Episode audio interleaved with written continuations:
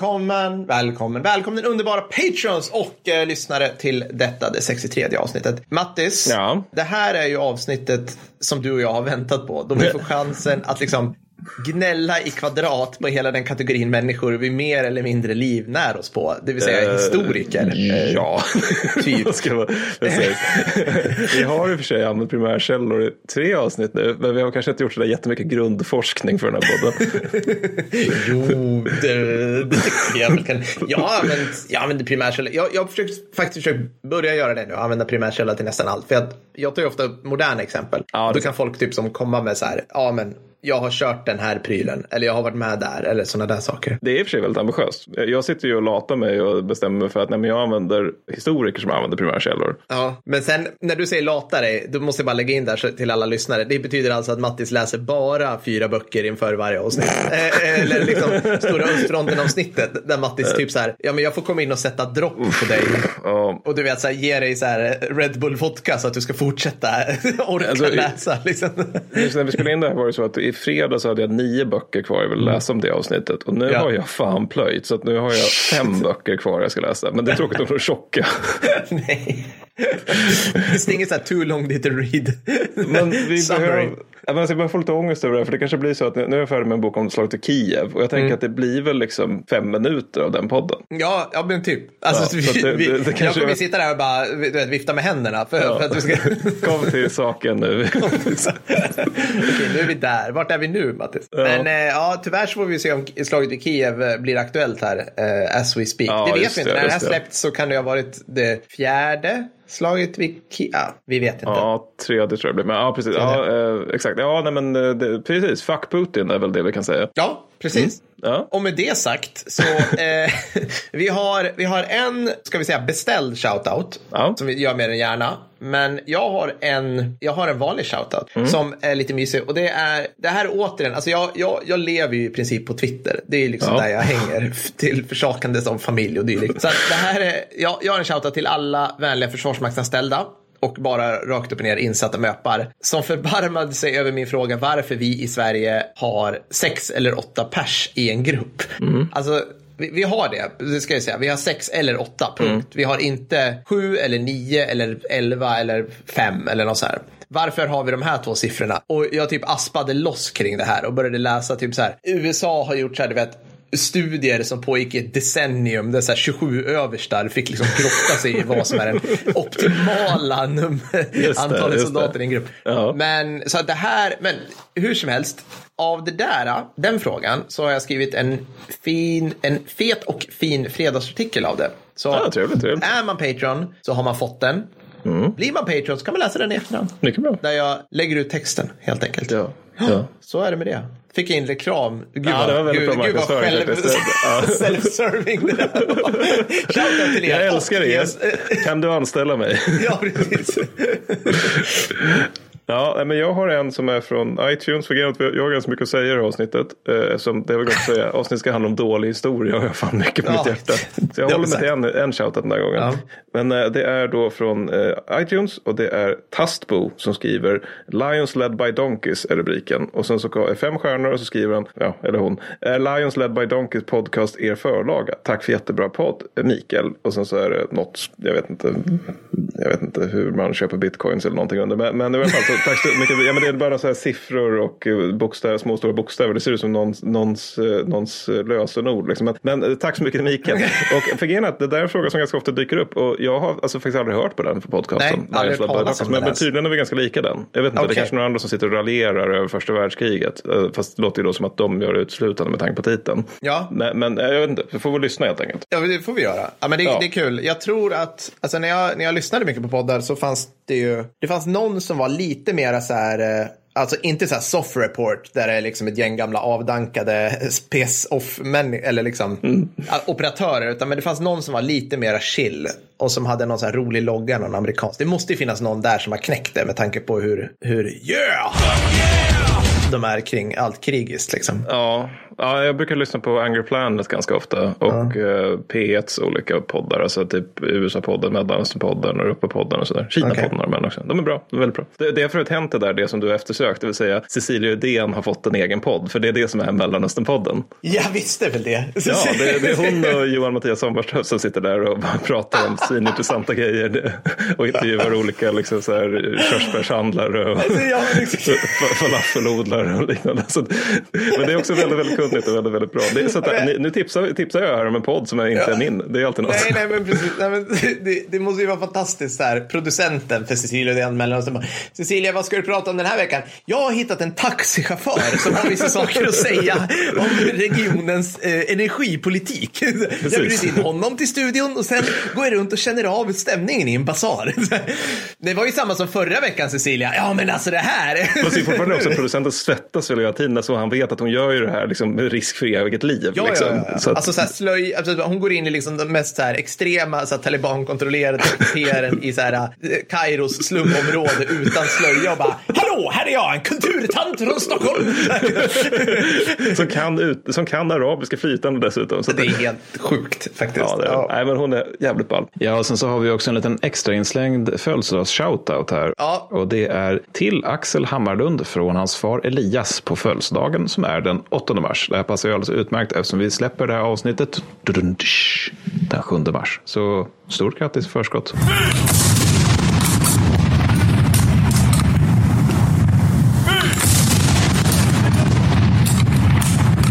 Men nåväl, ska vi snacka om dålig historia? Det ska vi absolut göra. Det här kommer bli ett underbart avsnitt för alla er som eh, tycker om att läsa historieböcker. För alla er andra mm. så lägger vi in lite explosioner och kulspruteljud nu.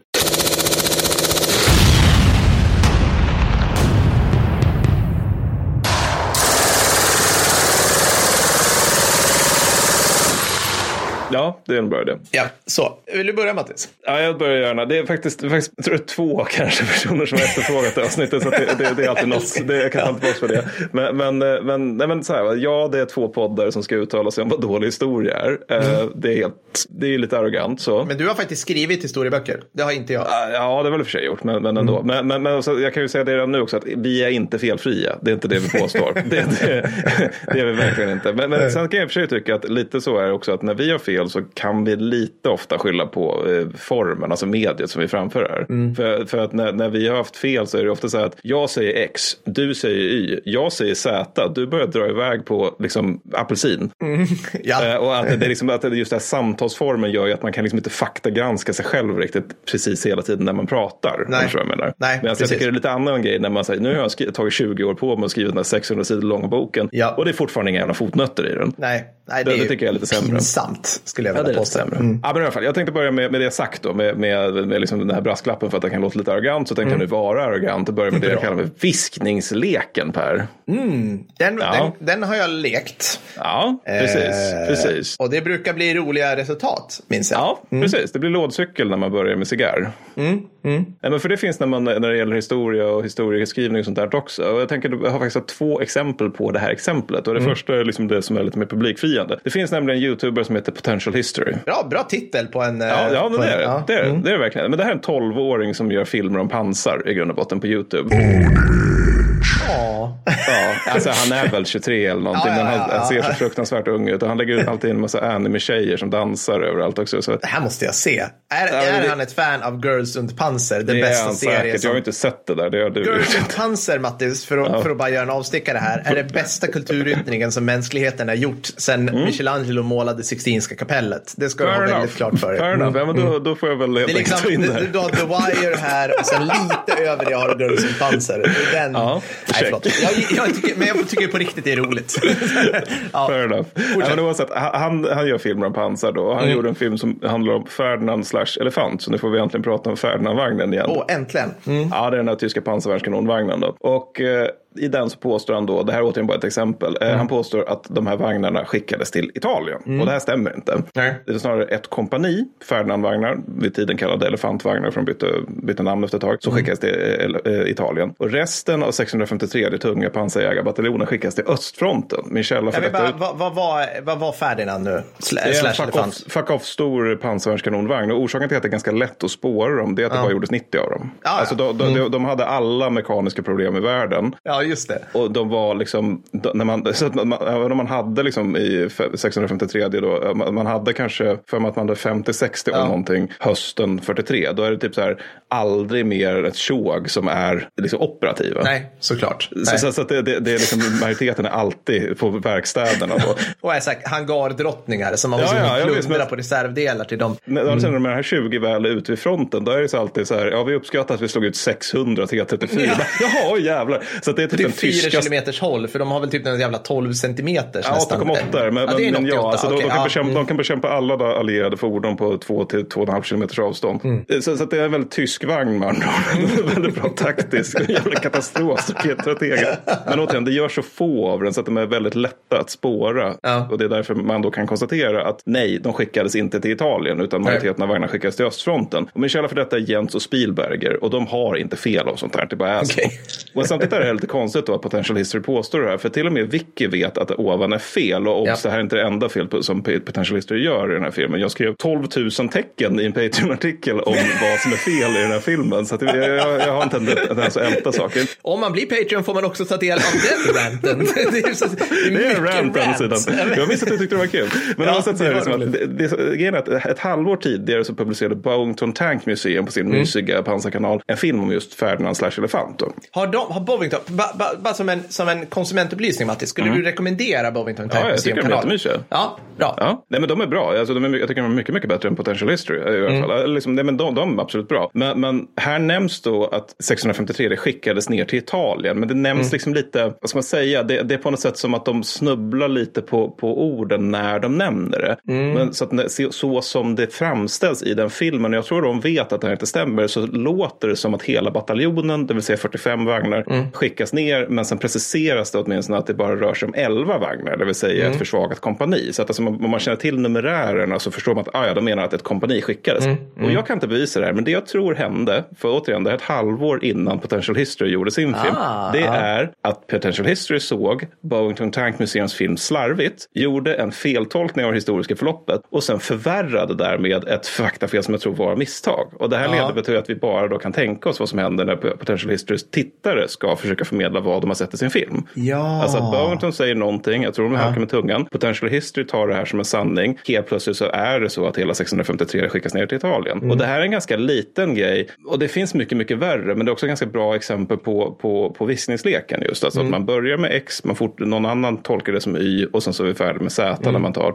väl tar Potential Historys tittare. Mm. Och om man då ska ta ett betydligt värre exempel som är för att det är så otroligt vanligt. Och det här utlovade jag i avsnitt 9. Mm. Att uh, det här kunde jag någon gång eventuellt prata om. Och jag sa att det skulle, skulle bli tråkigt. Ja. Men det är då Rudiger Åhmans studie av de tyska döda under andra världskriget. Det var en stor studie. Det är en stor studie. Det är en jättestudie. Och det, det, det, det, är, inte, det är inte heller världens sämsta studie. Utan jag tror snarare hur den implementeras som är uh, mm. det dåliga. Men det är att när det gäller det här med döda och så vidare under kriget så är det mycket, mycket svårare att liksom etablera än man kanske tänker sig. Egentligen ska man prata om förlust förluster. För att det kan hända mm. så pass mycket med en person under ett krig att det är liksom det är svårt att säga egentligen hur många som dör. Mm. I alla fall med exakthet. För att man alltså, det finns rapporter från kriget naturligtvis. Och då kan man ju tänka att okej, okay, men här står det i rapporten att så här många dödades i det här slaget. Mm. Mm. Okej, okay, fine. Visst. Men sen är det ju det också att du har en stor hög sårade. Mm. Av dem så kommer kanske en 10% dödas. Eller snarare mm. en 10% kommer dö av sina skador. Mm. Och det innebär att när, när liksom rapporten så som den är skriven går egentligen inte att säga. Det, man kan liksom inte använda den för att uttala sig om hela kriget. Utan man, snarare kan man äh, säga att i det här slaget dog så många vid tillfället. Mm. Och eftersom det då är så svårt att etablera hur många som dött så ska man snarare prata om förluster. För då får man liksom ihop allting. Mm. Är du mm. med här? Mm. Ja, jag menar det, det, här har ju du och jag. Jag ska inte säga att vi har slirat på tungan. Men ibland, ibland säger du så här stryker med. Eller jag vet mm. så här i tidigare avsnitt av den här podden så har vi sagt så här, förluster. Och så har jag bett dig förklara förluster några gånger. Mm. sen har vi sagt stryker med. Och vi, alltså, vi har gjort mm. sådana här uttryck. Och det vi menar då i nio fall av tio, om vi inte faktiskt säger stupade, det är att vi pratar om förluster som Mm. Precis. är, innehåller liksom Stupade, sårade, tillfångatagna, saknade. Eh, Exakt, Mm. precis. Ja, men så, så när det gäller tyska förluster under andra världskriget då är typ den bästa uppskattningen som gjordes vid tiden det är, nu ska vi se här, Gesamtausfälle der Wehrmacht som Fick vi in lite tyska också. Gött. Ja, ja. Så får in totalförlusterna för Wehrmacht och för hela kriget till och med 30 november 1944. Notera nu här att det finns ingenting för 45 som är tillförlitligt. Men de Det hände en del 45, är jag rätt Ja, säker det på. gjorde ju var- det. Men alltså, då, men då i alla fall så, så spikar de det till 1 722 616 stupade, 326 630 döda. Notera annan sak, för det är nämligen att folk som dör utanför strid. Sen är det 270 döda av okända skäl. Och här tycker man det Vänta, 270 pers? Alltså, de, Ja, ja. precis. Inte tusen utan 270 Nej. som bara, de här vet vi inte. Ja, Okej, bra att ni registrerade. 9513 avrättade, 1 435 853 saknade, 278 201 tillfångatagna, 438 352 friställda från tjänsten och 732 desertörer som ännu ej jagats ner. Det här är ganska exakt alltså. Det var men då man, exakt. men det man ska komma ihåg också att det här är egentligen en uppskattning. De är inte alls säkra. Men vi kan återkomma till det. Enligt ett annat dokument från Wehrmachtförlustenväsen så dog eh, två, två, nu ska jag säga, 278 480 man av sina skador. Så det ska man nog lägga till på då om man ska ta, prata om döda som totalgrupp. Då. Och sen lägg till allt ovan då 4,7 miljoner typ sårade då. Och notera att det här är fall, inte personer. Alltså det kan vara så att Per Wallin eh, såras tre gånger. Då räknas du som tre sårade. Men det är fortfarande Ja. sju helvetes massa folk. Ja. Och efter kriget då så upprättades någonting som heter Wehrmachts, äh, inte efter, det upprättades, men då, då dök i varje fall eh, en ny uppskattning upp. Och det var Wehrmachts Auskunftstelle für Kriegsverluste und Kriegsgefangene, vilket vi kallar för VAST när man pratar om sånt där. I, i, om man är in the know, när man sitter på alla de här Ja. trådarna på och, Det, ja, det, det, det, de skriver VAST, ja, vilket är begripligt. Men de, pratar, de sätter det då till 3,1 miljoner döda av alla typer, alltså stupade, såra, eller liksom sårade som dog av sina skador och döda. Mm. Och sen så plus 1,2 miljoner saknade då, som antingen är förmodat döda eller som helt enkelt är att vi har ingen jävla aning vart de tog vägen. Alltså Nej. de kanske gick hem, de kanske liksom emigrerade, det kan ha hänt vad som helst. Ja. Och utrymmet mellan VASTs uppskattning, som jag tror är den som stämmer för övrigt, och eh, de som gjordes under kriget, de beror, ber- beror i grund och botten på att uppskattningar som görs under kriget innefattar inte 45, för att det finns inga tillförlitliga uppgifter för det året. Och sen saknas, alltså sen också det här med att de saknade, det var en ganska stor andel av dem jag nämnde där ovan då, för det är 1,4 miljoner man då som saknas. Det är att det tar tid att reda ut det. det är alltså, vissa försvann, andra tillfångatas, vissa dör i fångenskapen, ytterligare andra går hem, andra emigrerar. Så det är Den siffran borde sjunka, rimligtvis. Ja, det sjun- sjun- sjunker, men å andra sidan så ökar det för det mesta då de döda. Ja. Men, men sen så kommer, och sen ska vi komma ihåg då att när det gäller de saknade, då är det ju också, alltså de, när de dör så dör inte de i strid, utan de dör ofta i fångenskap eller kanske långt efter kriget eller liknande i något jävla liksom, sovjetiskt gulag i Sibirien eller någonting. Alltså de dör fortfarande, men ja, vi återkommer till det. Men då kommer vi då till Rud- Rudiger Åderman som jag menar på, för han menar nu utifrån en statistisk undersökning att 5,3 miljoner tyska soldater dog totalt under kriget och 5,3 snarare än då 3,1 plus 1,2. Så att det, det, det är en ganska stor diff där. Och han antar dessutom att de flesta av de här som dog dog i strid, vilket i sig är ganska vanskligt. För om du har liksom, om man tar, utgår från den tyska statistiken över hela, då är det att alltså upp till 16 procent av de döda dog utanför strid av sjukdomar, olyckor, köld, avrättningar också för den delen. Och förutsätter då att 1,2 miljoner man dog 1945, eller snarare fel stupade 45, alltså dödades i strid 45. Och orsaken till att han inte utgår från dokumentation utan snarare från statistik, det är att den dokumentationen inte stämmer överhuvudtaget och att den underdrev förluster 1939 till 1944. Varför gjorde den det för? Alltså, Ja, det, det, alltså det, det har jag faktiskt inte förstått varför han tror. Alltså det, det, för, för att det är också så ologiskt. Alltså att om jag vore ba, eller bataljonschef Ja. och sen så säger jag att nu, nu så säger jag att jag förlorat 400 man Ja. i någon jävla strid. Liksom. Och då så säger jag att sen, sen är jag rädd då för att jag ska få skit för det här. Då, och då kräver jag bara 200 man er, som ersättningsmanskap. Då leder ju det till att risken att jag dör är mycket större. Eftersom nu har jag försvagat förband men högre, högre aktörer tror att jag har ett fullskaligt förband. Ja. Och de kommer att behandla mitt förband som att det vore fullskaligt. Vilket är farligt för mig personligen.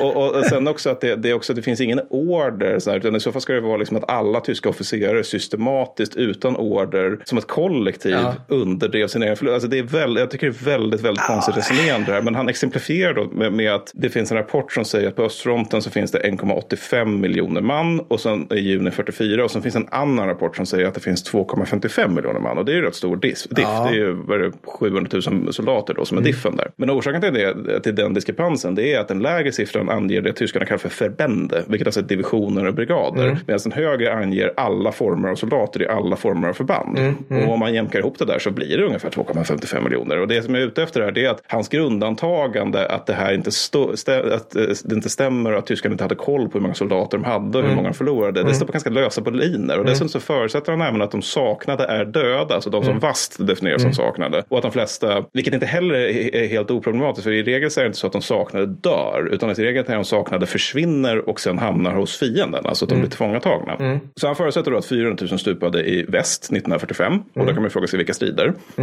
Mm. Mm. Ja, men det, det, var en del strider. Men de... Ja, men 400 000 stupade. Ja, nej. Det är ganska mycket. Ganska ja, mycket. Ganska mycket.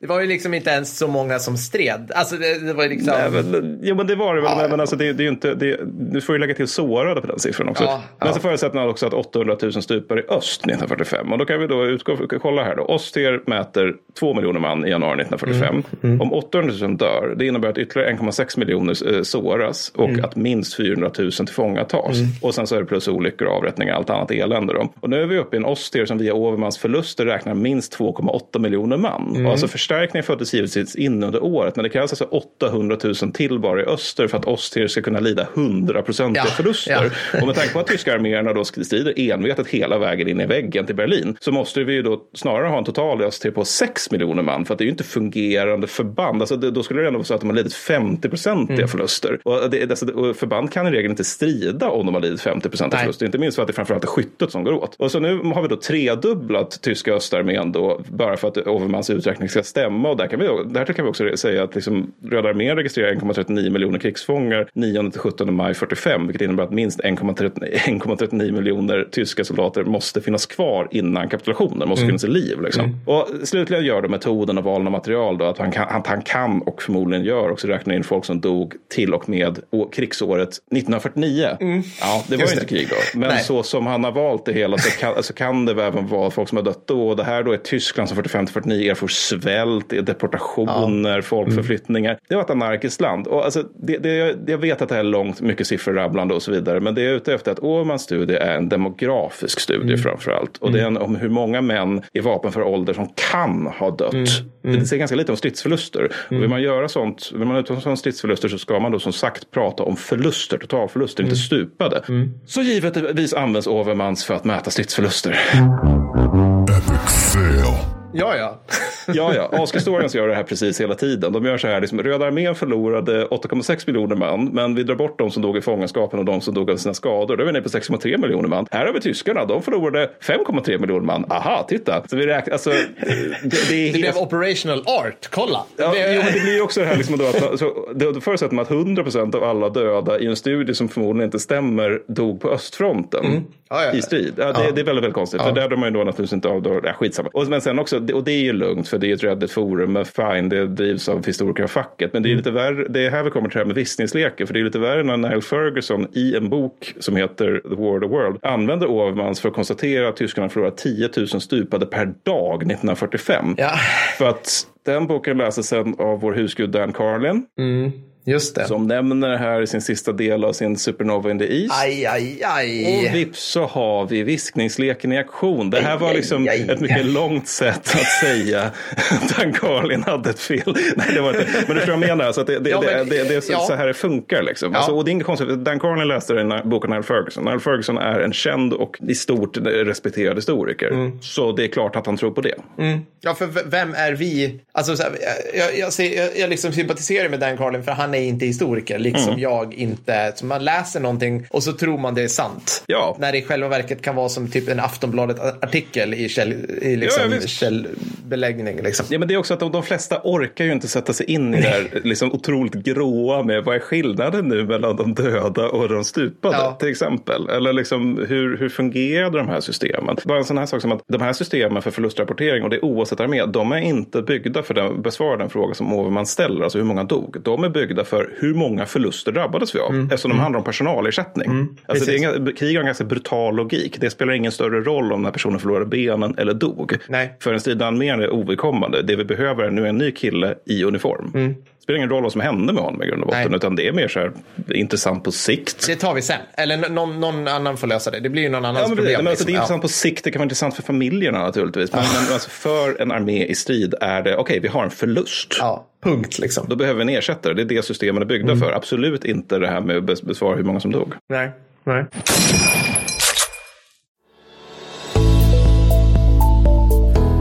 Nu, underbara lyssnare, ska jag berätta för dig om vad du ska göra. Det är nämligen så att den blivande författaren Gösta Hamilton Blanksvärd söker en utgivare för sina fullkomligt unika memoarer. Det här är helt otroligt. När Mattis och jag fick läsa manuset startade vi omedelbart Krigsdimma Publishing AB för att ge ut dem. Men vi behöver dig för att bidra en smula till kapitaltillväxten. Varför? Jo, för att Göstas bok krossar alla konkurrenter. Alltså lyssna på det här. Han skriver att han efter att ha gått med i Främlingslegionen vid 16 års ålder och gjort några år som fallskärmsjägare, astronaut, kirurg där då. Say what? Blev headhuntad av Soggen för att knäppa ryska legoknektar i Syrien, Iran och Irak. Oh, wow. Längsta confirmed kill är 5 kilometer med en pistol. Wow.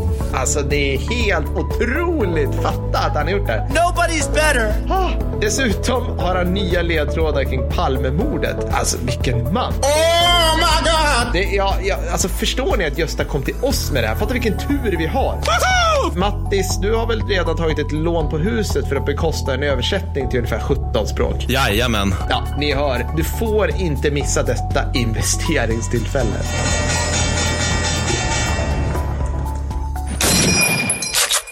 Bra. Tack.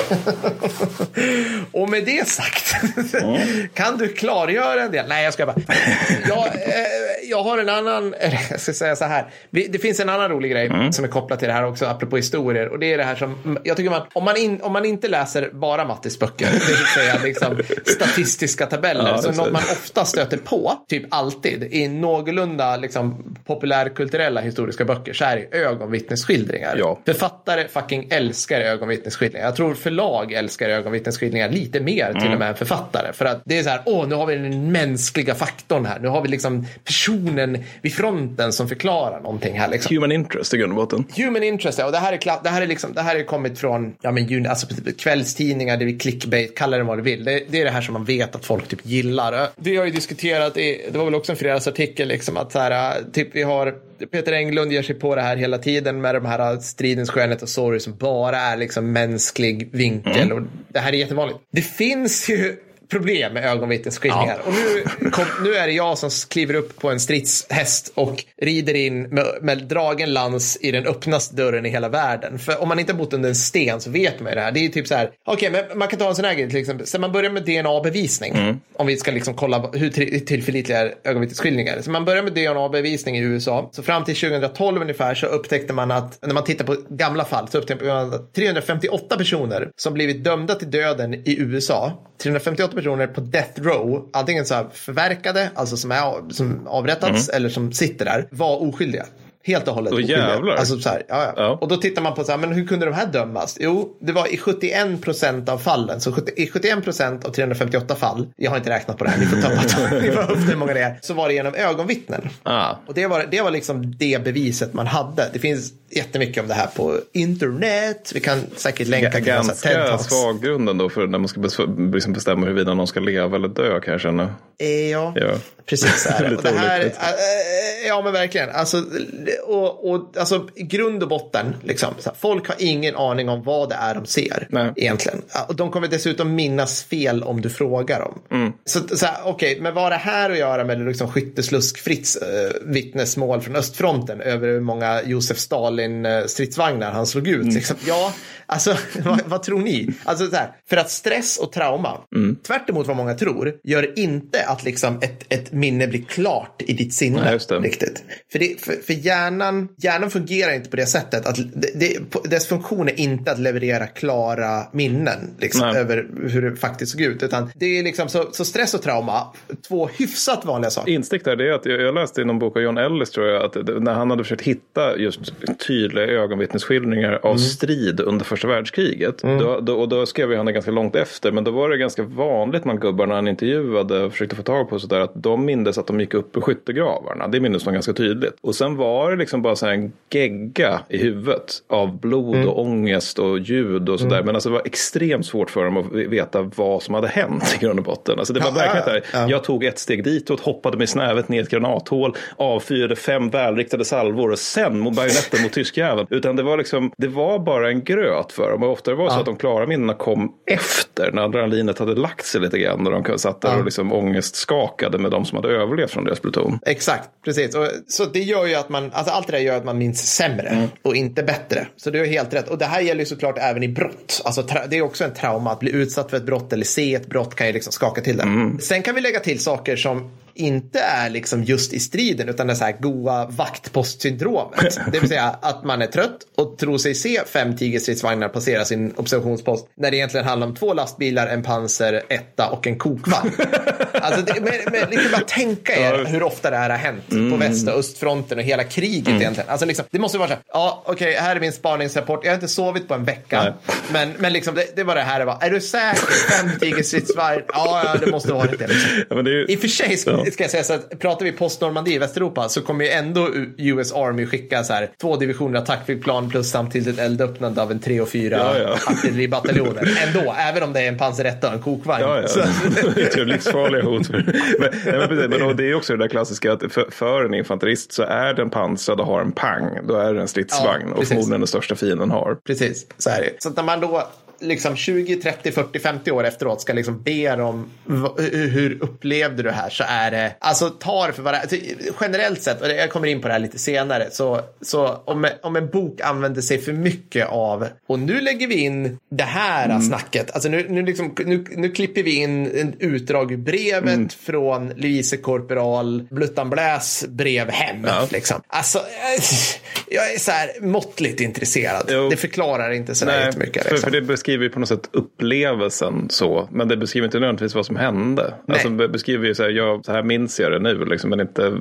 Nej, och det kan jag absolut, och liksom, till och med känslorna för händelse A eller strid B såklart skiftar ju. Mm. Ja, alltså, visst, visst. Det skiftar ju från direkt efteråt till en vecka, till en månad, till liksom, så, och det, det färgar ju ditt minne direkt. Liksom. Och det där är ju också någonting man blir misstänksam när man läser efterkrigstida memoarer när man har med hela dialoger. Bara, hur minns du det här? Ja, Du exakt. skriver det här liksom 30 år efter det krig du utkämpade. Ja. Du, alltså, men så här, Sergeant Burperdap, han sa det här och sen Ja. sa jag det här och sen Ja. bara, fuck you sir och sen har de på sig fram och tillbaka. Det där minns du ju inte.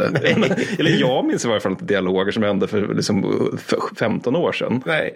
Nej, hur skulle man överhuvudtaget, alltså i de bästa av världar så kommer man ju inte ihåg dialog. Nej. Egentligen. Nej. Det går ju liksom inte. Folk, menar, så här, man kommer hem, man har druckit öl med Kickstory-podden. Man kommer hem, min fru frågar, vad pratar ni om? Man bara, vi pratade. Liksom, Nej, men om dittan och det och det andra. Liksom. Ja, Matti sa någonting om det där här. för- Nej, men liksom, man, man kommer inte ihåg.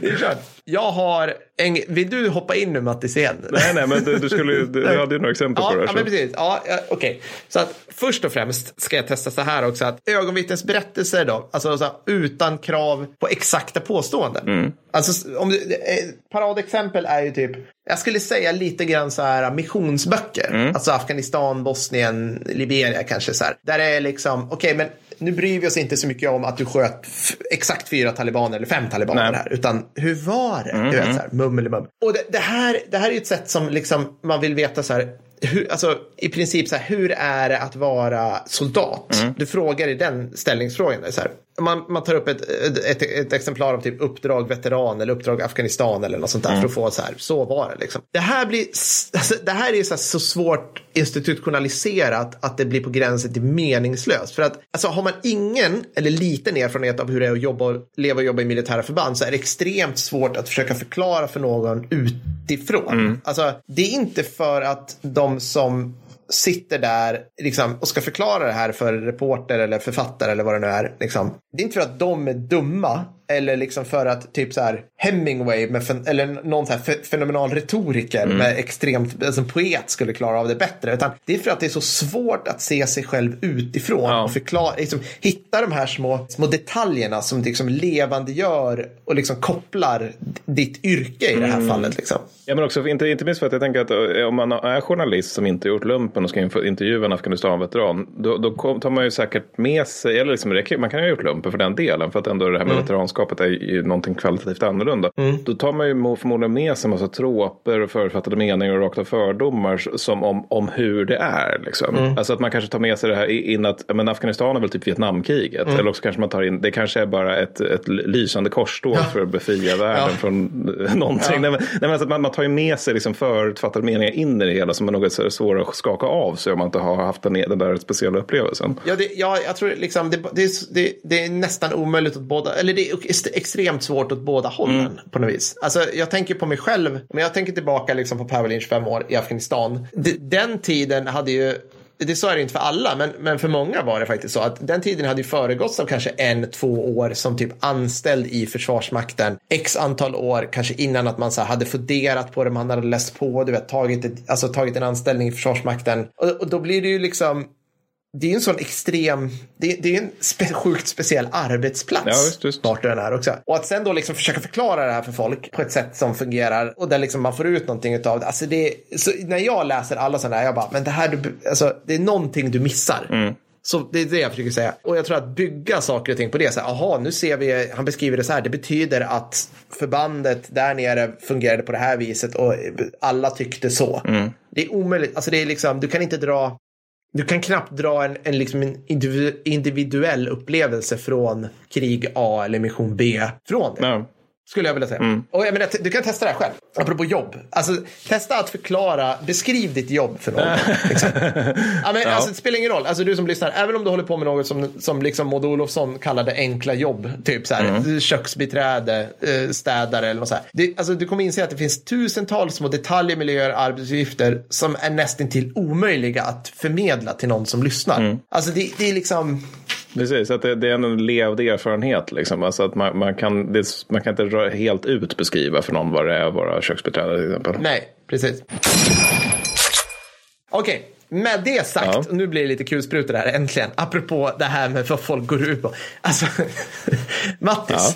det finns en bok och en film som heter American Sniper. Är Ja. det något du känner till? Ja, det gör det. Gör det. Den, Ja. den är skriven av, av Chris Kyle. Ja. Chris Kyle blev skjuten typ 2012 tror jag. Och alltså, den filmen är, när, Clint Eastwood gjorde den filmen, Mm. läste han i boken och bara okej, hälften av det här han beskriver kan liksom inte vara sant. Alltså den, den, den är liksom, vi tar, vi tar, så, så här, egentligen det han gör är att han, han tar, han, sk, han skriver ett manus där han liksom förmänskligar den här Chris Kyle Mm. och sätter dem så att det blir liksom den här eh, genomtänkta, du vet, ah, jag måste, du vet, hur, att, att skjuta eller inte skjuta, alltså allt det där. Så det Mm. Jag blir tycker en- han problematiserar Chris Kyle ganska mycket också. Alltså Ja. att eh, Chris Kyle framstår inte bara som en hjälte. Eller så här, han framstår väl som en person som har lite problem också. Ja, det skulle man kunna säga. Så att, och, och liksom Chris Kyle, alltså, ah, vad han, det här är inte bara boken. Så om man, om man läser boken tar det med en nypa salt. Men sen är det här också liksom att efter boken så ljög han om typ allt. Alltså vi kan Just ta det. så här, som ett exempel. Liksom. Han säger att han, när Hurricane Katrina kom till så åkte han och en polare och låg och sköt folk med sina prickskyttegevär i New Orleans. Ja. Alltså sköt så här plundrare. Ja. Så att han mördade amerikanska Ja. civilpersoner. Och folk bara, Jag antar att det här var någonting att han sa att han gjorde snarare än han Ja. gjorde det. Ja. han, det måste ju vara. Alltså, Ja, men, för det, annars skulle han vara arresterad. Det, det är liksom... Ja, ja, såklart. Det, det finns inga belägg för det här. Liksom. Nej, nej. Och sen, så, så, de har inte hittat några som helst belägg för det här. Sen sa han också så här, ja, det var två snubbar. det var två snubbar som kom fram till mig på en bensinmack och skulle steal my truck. Så här. Och jag bara sköt dem. Jag gav dem 9 millimeter istället. I'm just a monkey on a gun. Folk ringde polisen och det här, alltså han fortsatte beskriva. Folk bara, åh, kom polisen? Ja, polisen kom. Och sen såg de ett lägg. Och så ringde de, då stod det så här, då ringde de till Department of Defense. Ja. Och Department of Defense bara, nej ni kan inte arrestera honom, han är national asset. och polisen bara, okej. Ja. Då, då, har man ju en bild av USA som kommer från typ serietidningar snarare Ja, än ja, ja. den amerikanska rättsstaten. Så det, Precis, och polisen bara gick med på detta, gav tillbaka hans körkort och tackade, för, tackade honom för att han citat rensade upp. Och det här är liksom folk gått i spinn. Alltså folk Just har bara så här, det. finns inga som helst inrapporterade, liksom, eh, vad heter det? Det finns inga som helst inrapporterade skottlossning där. Nej. Polisen känner inte alls till det här. Det här är helt, det här är helt fabulerat. Så, att, så den här snubben är ju liksom, eller han var en grov mytoman. Ja, han, sa, också- han sa också någonting att han, så här, att han slog, han spöade upp så här Jesse Ventura som är då en guvernör i, i Minnesota och var, eller Milwaukee, jag minns inte riktigt, och var gammal, han, han är en gammal Navy Seal och han sa någonting i stil med att ah, det här är bara skit, alla amerikanska soldater borde bara, eh, här. Ja, man har varit i Afghanistan och, och stridit då, då, har man, eh, då är man en krigsbrottsling typ eller något sånt där sa han. Och då, So alltså till Chris Kyle, Chris Kyle bara, nu jävlar, och så gav han honom ett par snytingar.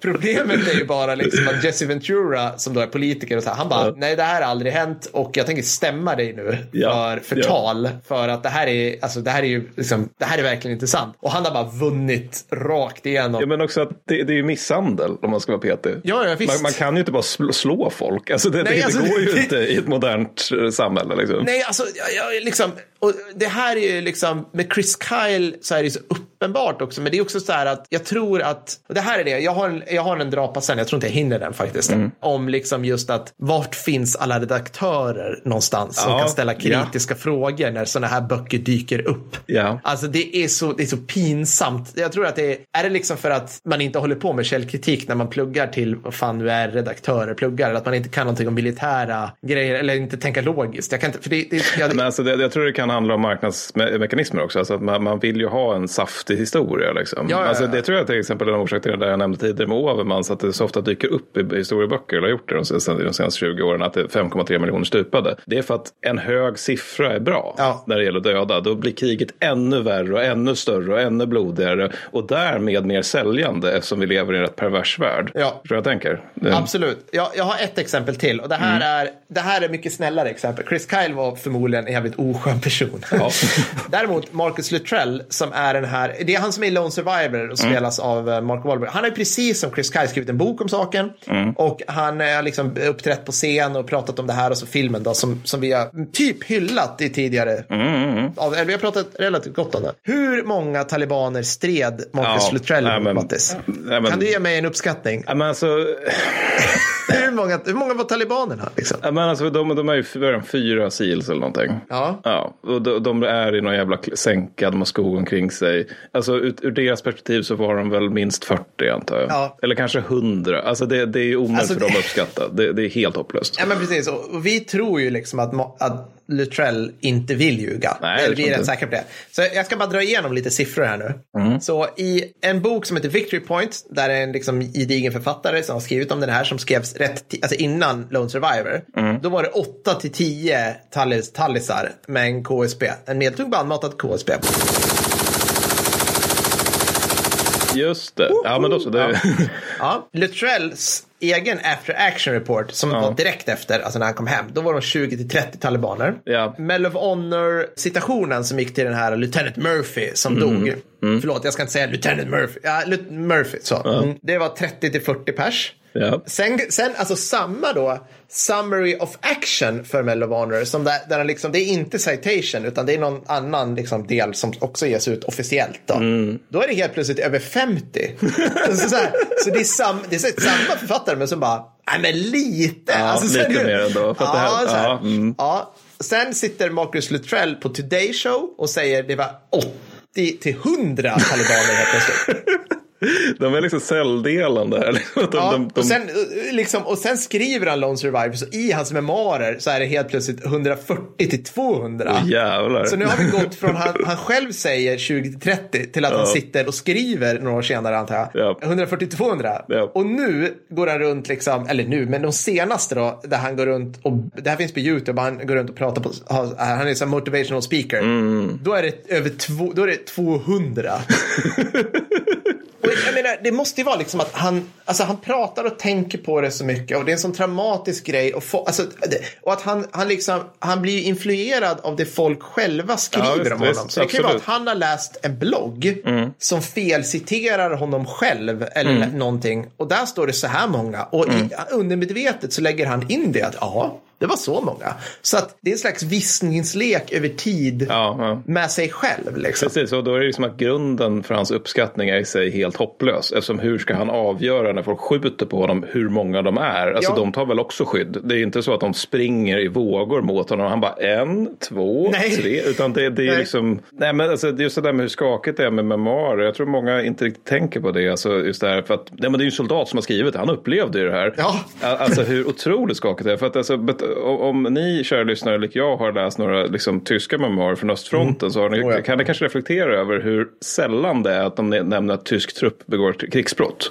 Just det. Mm. Det är ganska vanligt. Misstänksamt sällan. Ja, det, det är däremot typ så här, men typ så här Günther Korsoräckel, ja men ryssarna brände ner hela byar med sovjetiska civila. Bara, alltså det, det förekom att de sköt civila Ja. på, ockuperade, alltså på områden de tog tillbaka. Det var i regel de de såg som kollaboratörer och liknande. Men det här med så här, det här folkmordskriget så, som drabbade Mm. Sovjetunionen. Det var det tyska soldater som genomförde, absolut Mm. inte sovjetiska. Och det där är liksom nästan så att, alltså, det är så löjligt vanligt i de memoarerna att ja, men vi gjorde aldrig någonting. Nej. Möjligtvis SS och definitivt Röda armén. De sköt civila hela tiden. Men får jag bara fråga Mattias, visst är det så att, att typ de, de där generalerna och allting, de gav ut liksom memoarer och sen någon gång liksom efter kriget från 50 till 70-talet. Mm. Då var det så här, ja men typ Mellentin och Balk och lite sådana här. Och sen någon gång på 70-talet då, bara, då var det någon som bara, uh, wait a minute. Ja, men typ. Eine minuten bitte. Typ så här. Ja, men lite så. och så, så här. Men efter det så slog det över åt andra hållet istället. Då var det bara krigsbrott. Alltså, Ja, ja, definitivt. Men, men det, det är så här, jag, jag hade typ läst de senaste sju böckerna jag läst har på något sätt bestämt sig för att det är bara tyska generaler som har fått skriva östfrontens historia. Men nu ja. äntligen så här sker någonting annat. Men det är som du säger, det har varit så ganska länge att det inte stämmer. Ja. Men det är, i de böckerna som jag läste, det så att igår så slutade vi använda så här Manstein som huvudkälla för, för allting. Men, men, men alltså, nej, men så, så, så att det, det, det, som den idén den stämmer, men den stämmer liksom inte perfekt. Det är liksom Nej. mer som att det stämmer för 50-60-talet. Men, men det är klart, alltså, sen har de, de generalerna haft ganska stort inflytande på amerikanska armén. Eftersom amerikanska armén efter Vietnamkriget bara, okej, vi ska gå över till en manöverkrigföring mot Sovjetunionen, tänkte vi liksom. Kolla hur är det man någon då. som har sysslat med det? Ja, precis. Hör du, Balk, Herman Balk, du, kan du det här? Och han bara, ja, det kan jag. Och det är möjligt att det då har liksom influerat amerikanska arméns, hur de ser på tyska armén. Men det här med liksom att det är de som har stått för historieskrivning skulle jag ställa, sä- säga inte stämmer. Nej. Men, men det är också det här påfallande att även när det är liksom memoarer som är skrivna av tyskan på skyttesoldatsnivå, det är ju det här med liksom att, ja, men just det här med att de, de, det är väldigt få där som kan, kan, kan acceptera att de, de, stred för en organisation som faktiskt begick för fruktansvärda fasansfulla brott mot mä- mänskligheten. Och det kan ju handla om att man själv inte gjorde det. Och samtidigt liksom kände att jag stred för någonting väldigt hårt. Det var en sak jag verkligen trodde på. Och jag kan liksom inte acceptera för mig själv att det här var någonting dåligt jag stred för. För Nej. det är ju samma sak, det är typ inga Waffen-SS-soldater som skrev memoarer efter kriget som bara, jag var nazist. Nej. Utan allihopa bara, jag var ung och konstig och äventyrare. Äventyrare, sökte spänning. Ja men precis så. Precis Ja, så. Men jag, jag, jag kan också, det här är väl en del, det är kanske inte riktigt dålig historia, men jag, det slog mig nu när vi pratade om liksom 60-70-talet. Alltså vi har ju också, historia är ju en levande vetenskap också. Japp. Så ibland så har man en teori och sen bara är den fel. Ja, alltså, är det är så. typ så här, den här som vi har tagit upp i tidigare avsnitt, så här, stigbygel-debaclet. Mm. Alltså liksom, ja, men typ fram till, eller egentligen på 50-60-talet, jag tror på 60-talet då kom det en bok som var liksom av den stora medeltidshistorikern, Mm. jag minns inte vad den heter, som bara, tack vare att stigbygeln kom så kom det riddare. Just Punkt. det. Liksom. White tror jag han heter. Ja, tack. Och det stämmer inte. Nej. Och nu vet man att det inte stämmer för man, la la la la la. Och de här, så här piff och puff historikerna inom arkeologispåret har hittat grejer liksom.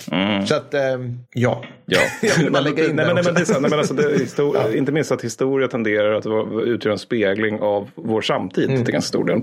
Roms fall Det är någonting som på typ 60-talet förklaras med överbefolkning eller någonting. Ja, och sen så på 70-talet så är det miljökatastrof. Och nu är det miljökatastrof igen. Och sen någonstans där i mitten så var det liksom, det är ofta liksom de oroer vi känner idag som är förklaringen till varför Rom föll. Mitten där så var det kommunism som... Ja, precis. det var på 80-talet. Men ska jag ta min sista eller? Jag Ja, ska försöka det. dra igenom den. Gör det. Jo, nej men det är bara lite snabbt om sekundär och primärkällor, Mm. vilket är roligare än vad det låter som. För att i fotnoterna, och jag noterar att det är många historiker av facket som inte räknar med att någon jä- jobbig jävel läser deras fotnoter. nej. Så skriver Robert Cetino i Death of the Wehrmacht så skriver han följande. Historiker som använder primärkällor... Punkt, punkt, punkt. Professor Cetino pratar här underförstått om andra än han själv. För mycket riktigt i Death of the Wehrmacht finns, finns inte en enda jävla primärkälla. Nej då, det är bara sekundärkällor. Och då så bara för att reda ut begreppen lite snabbt. Då är det som att primärkälla det är en källa från tiden då den historiska händelsen skedde. Det kan vara arkivhandlingar, dagböcker med mera. Sekundärkällor det är någonting som baserar på primärkällor, det vill säga böcker, artiklar med hög vetenskaplighet. Och ter- tertiärkällor det är någonting som är baserat på primär eller sekundärkällor, det vill säga böcker och artiklar med låg vetenskaplighet eller den här podden. Well, I, uh, yes, it is. Så, då har vi rätt ut det. Ja. I vardagligt tal, så tänd, eller vardagligt tal, men i regel så, så, så gör man inte någon st- jättestor åtskillnad mellan sekundär och tertiärkällor, utan de används ofta som synonyma begrepp. Man brukar bara säga sekundärkällor, det är det jag kommer göra nu. Men skillnaden är egentligen den mellan primär och sekundärkällor, för att primärkällor är de bästa. Det är alltså en dagbok, det är bättre än ett minne. Det är inte perfekt, men det är bättre än Nej. ett minne 40 år efter kriget. Ja. Och en förlustrapport är bättre än en uppskattning efter kriget. Och när jag pluggade historia så var det här elementa, det var sådana fucking självklarheter. Men sen började jag grotta lite grann det är ställt med en del militärhistoria och insåg att så är fucking icke fallet. Nej. Det vanligaste man gör när man skriver en historiebok har jag tvingats inse. Det är att man utgår från tidigare historieböcker, det vill säga sekundärkällor, Ja. det vill säga vad man har i bokhyllan. Ja. Det vill säga man forskar inte fram något nytt, man är lite lat. Det är ganska många historiker som är Det är det. så härligt när någon annan bara förklarar hur det är på så här Ja, lätt, ja. lättfattlig... Liksom. Men det är så va- alltså det, jag blir helt galen på det här. För det är så här, nu ska jag skriva en bok och slå till Kursk. Jag sträcker mig lite grann i bokhyllan. Ja. Det var ansträngningen. Och sen så öppnar jag boken. Men liksom vad i helvete, det är ju inte historiker. Nej men ergo så är ganska vanligt här, man läser i böcker om östfronten. Som sagt, det är därför jag bara tar exempel från östfronten. För jag läser jävla mycket om det på sin till. Hänvisningar till Paul Carroll och John Ericsson. Och Carroll, han skrev efter kriget om östfronten. Under kriget arbetade han för SS och eh, den nazityska propagandan. Ja, okej. Mm. Han dyker upp som källa lite från till. Perfekt Ja. jävla källa. Används bland annat av Robert Forsick. Paradoxalt nog i en bok som i stort är fanfiction om Röda armén. Men alltså det, det passar väl bra i sammanhanget. John Ericsson däremot, han använde sovjetiska sekundärkällor på minus 70-talet för att beskriva östfronten. Och det gjorde han även för att beskriva tyska förehavanden. Ja. Och ett paradexempel på det här det är att en av källorna han, använder Pavel Rotmistrovs memoarer där det står, apropå memoarer, det står, alltså det står att tyskarna vid Prokhorovka 1943, 12 juli, alltså kulmen på slaget i Kursk, tappade 350 till 400 totalförstörda stridsvagnar. De insatta tyska förbanden vid Prokhorovka noterade själva 25 totalförstörda stridsvagnar är en till den där. 16 juli. Ja. Det är en viss diff, det är en Ja. diff, men det är till den 16 juli. 12 juli noterade de eh, sex totalförstörda Ja. stridsvagnar. Ja. Sovjetunionen tappade vid Prokhorovka 12 juli 334 totalförstörda stridsvagnar och storm- stormkanonvagnar. Ja. Mm. Ja. Vad beror det då på att Pavel Rotmistrov skriver att tyskarna förlorade ungefär lika mycket? Jo, han var nämligen chef över femte gardes stridsvagnsarmén som anföll vid Prokhorovka. Han var chef över den. Och det är klart som fan han inte vill skriva eh, de förlorade sex när han liksom har bara supit bort hela sin jävla stridsvagnsarmé. Oavsett så gör hans sovjetiska historieskrivning och, då John Ericssons eh, fel, att han upp, upp, för det är ett fel, att han upprepar det här, det är att folk än idag tror att Kursk var någon så här avgörande vändpunktslag i på, med Prokhorovka som pro, kronjuvel under kriget på östfronten. Och orsaken till att vi inte bör göra det idag, det är att Zetterling och Frankson, de orkade kolla primärkällor. Kan vi få höra halleluja? Ja, så. Tack. Så fort vi nämner Zetterling och Franksson, eh, då ska det fram. Ja. Ja, men det här, man kanske borde säga Zetterling och Frankson-klacken eller någonting. så- man har Sverige och sen så statistik som regnar Ja. ovanifrån. Oavsett, det är inte alla som gör det här. För det är en som ofta påstås göra det, alltså påstås använda primärkällor. Det är professor Youtubes skydds, skyddshelgon David M. Glans. Åh. Som bildat sto, skola och har högsta tänkbara status. Har du lärt dig? Ja. Ja. han har högsta tänkbar status även bland historiker av facket, vilket han själv inte är. Han är överste, vilket är någonting Mm. annat. Och han utgår från sovjetiska sekundärkällor till mycket, mycket stor del. Han använder fler primärkällor numera, ska tilläggas, Mm. även tyska. Men det är fortfarande så att de senaste böckerna jag har läst av honom, det är det så här liksom att ja, men, mm, primärkällorna kanske en tredjedel av Mm. litteraturlistan och resten är olika sovjetiska sekundärkällor, ofta stabstudier ofta gjorda efter kriget. Счастья вам! Здоровья! Och fördelen med so- sovjetiska källor det är att om det är primärkällor då får man en korrekt bild av sovjetisk numerär och förluster och liknande. Det är därmed det man ska använda om man ska Mm. Ja. beskriva Sovjetunionen, liksom vad de gjorde under kriget. Så är fördelen med sovjetiska sekundärkällor det är att de skildrar hur ryssarna ville beskriva, beskriva kriget efter kriget.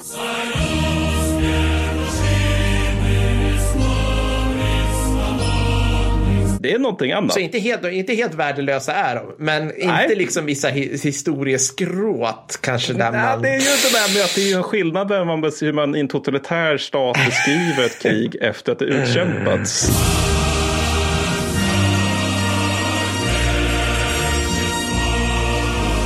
det, ja. det, det, är inte helt perfekt historieskrivning. Ett problem med sovjetiska sekundärkällor eller källor överhuvudtaget egentligen, det är att tyska förluster överdrivs alltid. Mm. Alltså konsekvent. Mm. Man mm. måste vara övertygad om att Overmans har rätt och att tyskarna inte visste hur många de förlorade för att det, de uppskattningarna ska ställa, ja. stämma. Och det är ofta också en ganska perfekt samvariation mellan hur många ryssarna förlorade och hur många de säger att tyskarna förlorade. Ja. Till exempel så förlorar, påstår de då att, de förlor, att tyskarna förlorade 800 000 man vid Kursk, Orel och Charkov 1943 medan tyskarna noterade typ så här 200 000 förluster eller någonting. Så det är mer. Mm. Det är mer. Men sen är det också att förband kan ofta, alltså sovjetiska förband kan ofta sägas ha genomfört anfall utan att egen förlustrapportering, för den ska ju gå upp om man genomför ett, an- genomför ett anfall. Eller tyskarna märker av det, vilket leder till så här konstigheter i en del böcker. Det bara, men så, ryssarna angrep här och tyskarna bara, va? Gjorde de? Det Gjorde de? Va? Vart då?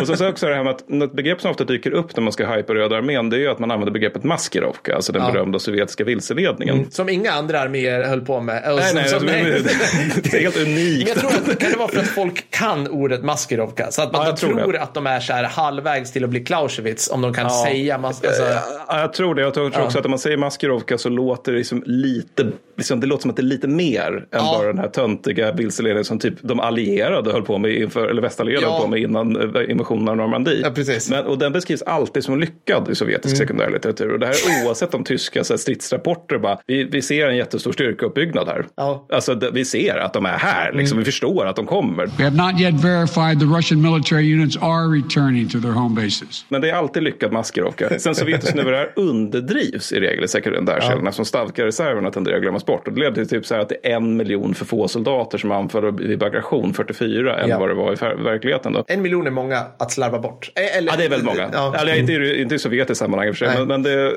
sen sovjetisk framryckningstempo överdrivs alltid med sekundärkällorna. Paradexempel är andra gardestridsvagnsarmén som påstås ha framryckt 40 kilometer per dygn under Vissla Oder-offensiven 1945. Där hade tagit det förbandet till Dortmund. Det ligger Ja. vid holländska gränsen. De var aldrig där. Nej, de var så att det här aldrig stämmer inte. Det här har upprepats av historiker av fucking facket att det var 40 kilometer per dag. Vad heter facket? Vad heter deras fack? Kan vi... Nej. Jag tror inte de har något. Ja, det kan, nu är akademikerna kanske. Ja. men sen så, sekundärkällor källbelägger sällan går det att kontrollera eftersom ryska arkiv stängts igen till stor del. Och de skrevs dessutom i en diktatur som baserade sin legitimitet på segern i andra världskriget och krävde likformighet. Vilket även innebär att sekundärkällorna är ganska, liksom, de är ganska samstämmiga om saker och ting. Det är sällan något som sticker ut eftersom det kunde leda till en enkel resa till Gulag i värsta fall eller arbetsförbud i bästa fall. Och sen då naturligtvis Ferdinandvagnar. Återigen Ferdinandvagnar. För Snygg slutning av cirkeln Tack, där. tack. Chekhovs gun som det så fint heter. Ja, men Ferdinandvagnar dyker upp precis hela tiden. Mm. Eh, Alltså det, det, det gjordes 90 stycken, men i sovjetiska skildringar av östfronten här, det är Ferdinandvagnar på, armégrupp Nord, det är Mm. armégrupp eh, Center, de finns precis överallt. Mm. Alltså de är jävla mycket Ferdinandvagnar. När de själva verket var borta vid Nikopol under mer eller mindre hela 1943-1944 och det ligger liksom borta i Ukraina. Mm. Så, så att de måste ha varit, haft väldigt få mekaniska fel för att kunna förflytta sig längs, fronten så som Precis. de gör då uppenbarligen i ryska sekundärkällor. Topphastighet 200 km i timmen. Det Aktionsradie ingenting alls. 400 mil. Ja, men alltså, det, det, det är en helt absurd grej och orsaken till det, det är att ryssarna tyckte att Ferdinand var svinläskig Ja. på grund av att de hade upplevt den tråkigheten Ja. som var Kursk när Ferdinand användes första gången. Och det leder till att där alli- västallierade soldater hela tiden, som du beskrev, rapporterar in tigervagnar. Mm. Så gör sovjetiska soldater med pansarvagnskanonvagnar. Alltså om Mm. de ser en stog, då bara oj, en Ferdinand, helvete, kalla in allt. Liksom. Mm. Och det här är också lite roligt för det här är ett ganska bra sätt att se just i David Glans böcker när han har fulat lite och utgått från sekund- sekundärkällor från Sovjetunionen. För då bara, varför är Ferdinandvagnar vid, vid, vid Spesk? Ja. Jag vet att de var vid Nikopol nämligen. Så att du har använt en sekundärkälla här. Jag vet det här. Det är liksom, det, ja. Och allt det här är exempel på problem som jag har hittat när jag har läst eh, Glantz, Forsyth, Butard, Dick, eh, Cettino et al. egentligen, flera andra också. Och på grund av att de använder sovjetiska sekundärkällor eller böcker som använder eh, sovjetiska sekundärkällor som källa. Och vore det då bättre om man använde tyska källor för sovjetiska förhållanden? Nej, det är klart det inte vore det. Nej, nej. Nej, självklart inte. Nej, men alltså, det är klart det inte vore det. Alltså, för, för att man ska, man ska utgå liksom sovjetiskt för sovjetiska förhållanden, tyskt för tyska förhållanden. Så det vore absolut inte bättre. Absolut, särskilt inte då på grund av att Främde Heer Ost alltid drog av eh, från inrapporterade sovjetiska förluster medan ryssarna faktiskt la på istället när det inra- inrapporterade tyska förluster. Vilket, där, så du menar att, att liksom den tyska staben då, ja, underrättelsestaben då. Ja, precis. När de fick in rapporter om att så här, så här många T34 har la la la division slagit ut. Mm. Ja. Då drog de av. Ja, drog jag tror 50 procent. Och sen Oj, när det var ja. flygare som angrep markmål, då var det 70 procent. Så att Ja. nej, Rudels uppskattningar av hur många vagnar smällde, det stämmer inte. Nej. Utan de bara, flupp, bort med det. Och det medan återigen ryssarna då la på det och ställa på ju mer längre upp i hierarkin man kom. Då. Och det här ledde till att OKHs uppskattningar av hur höga de sovjetiska förlusterna var, de var 4 procent lägre än de som ryssarna själva registrerade. Så skulle man utgå från F, alltså Främde Heer Osts uppskattningar, eller OKHs uppskattningar av sovjetiska förluster, då framstår Sovjetunionen, den röda armén, som mer effektiv Ja. än vad den faktiskt var. Så det ska man ju definitivt inte göra. Vodka. Och sen då är det ju då, bara som ett avslutande ord, det är att sovjetiska källor har liksom fått via Glans då, och det är inte hans fel, han gör sitt bästa, han har dessutom skrivit många bra böcker, det är inte så. Men han har fått, sovjetiska källor har fått en sån här märklig lyster på internet, att jag ser det här hela tiden när jag lät typ så här wiki talk page eller Amazon recensioner, så här dumdryga uttalanden. Varför använder inte sovjetiska källor i typ böcker som handlar om så här, men den här boken handlar om tigerstridsvagnar. Ja. Varför ska man använda sovjetiska källor för det? Och den ovannämnde Cettino då, han har då skrivit gillande att vi lever i glanseran när det beskriver, äh, gäller beskrivningar av östfronten. Och jag skulle inte säga gillande utan jag skulle snarare säga att det här är fucking olyckligt. För orsaken är till detta, att det är olyckligt, det är att om man inte är noggrann med sovjetiska källor, det är den historia man skriver Josef Stalins.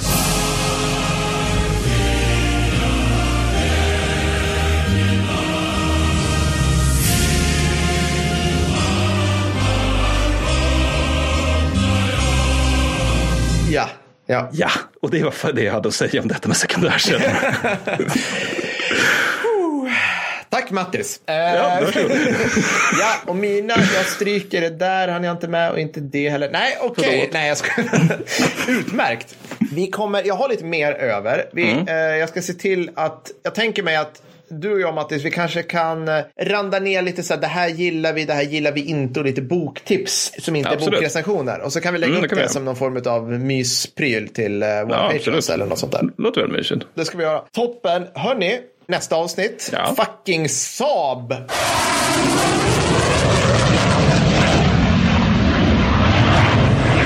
Boom! Så här är det. Vi har äntligen, eller så här, äntligen har det militärindustriella etablissemanget tagit sitt förnuft till fånga och kastat några brödsmulor åt vårt håll. Det är faktiskt helt sjukt. Svinkul. Så vi ska spela in, i nästa avsnitt spelar vi in hos Saab.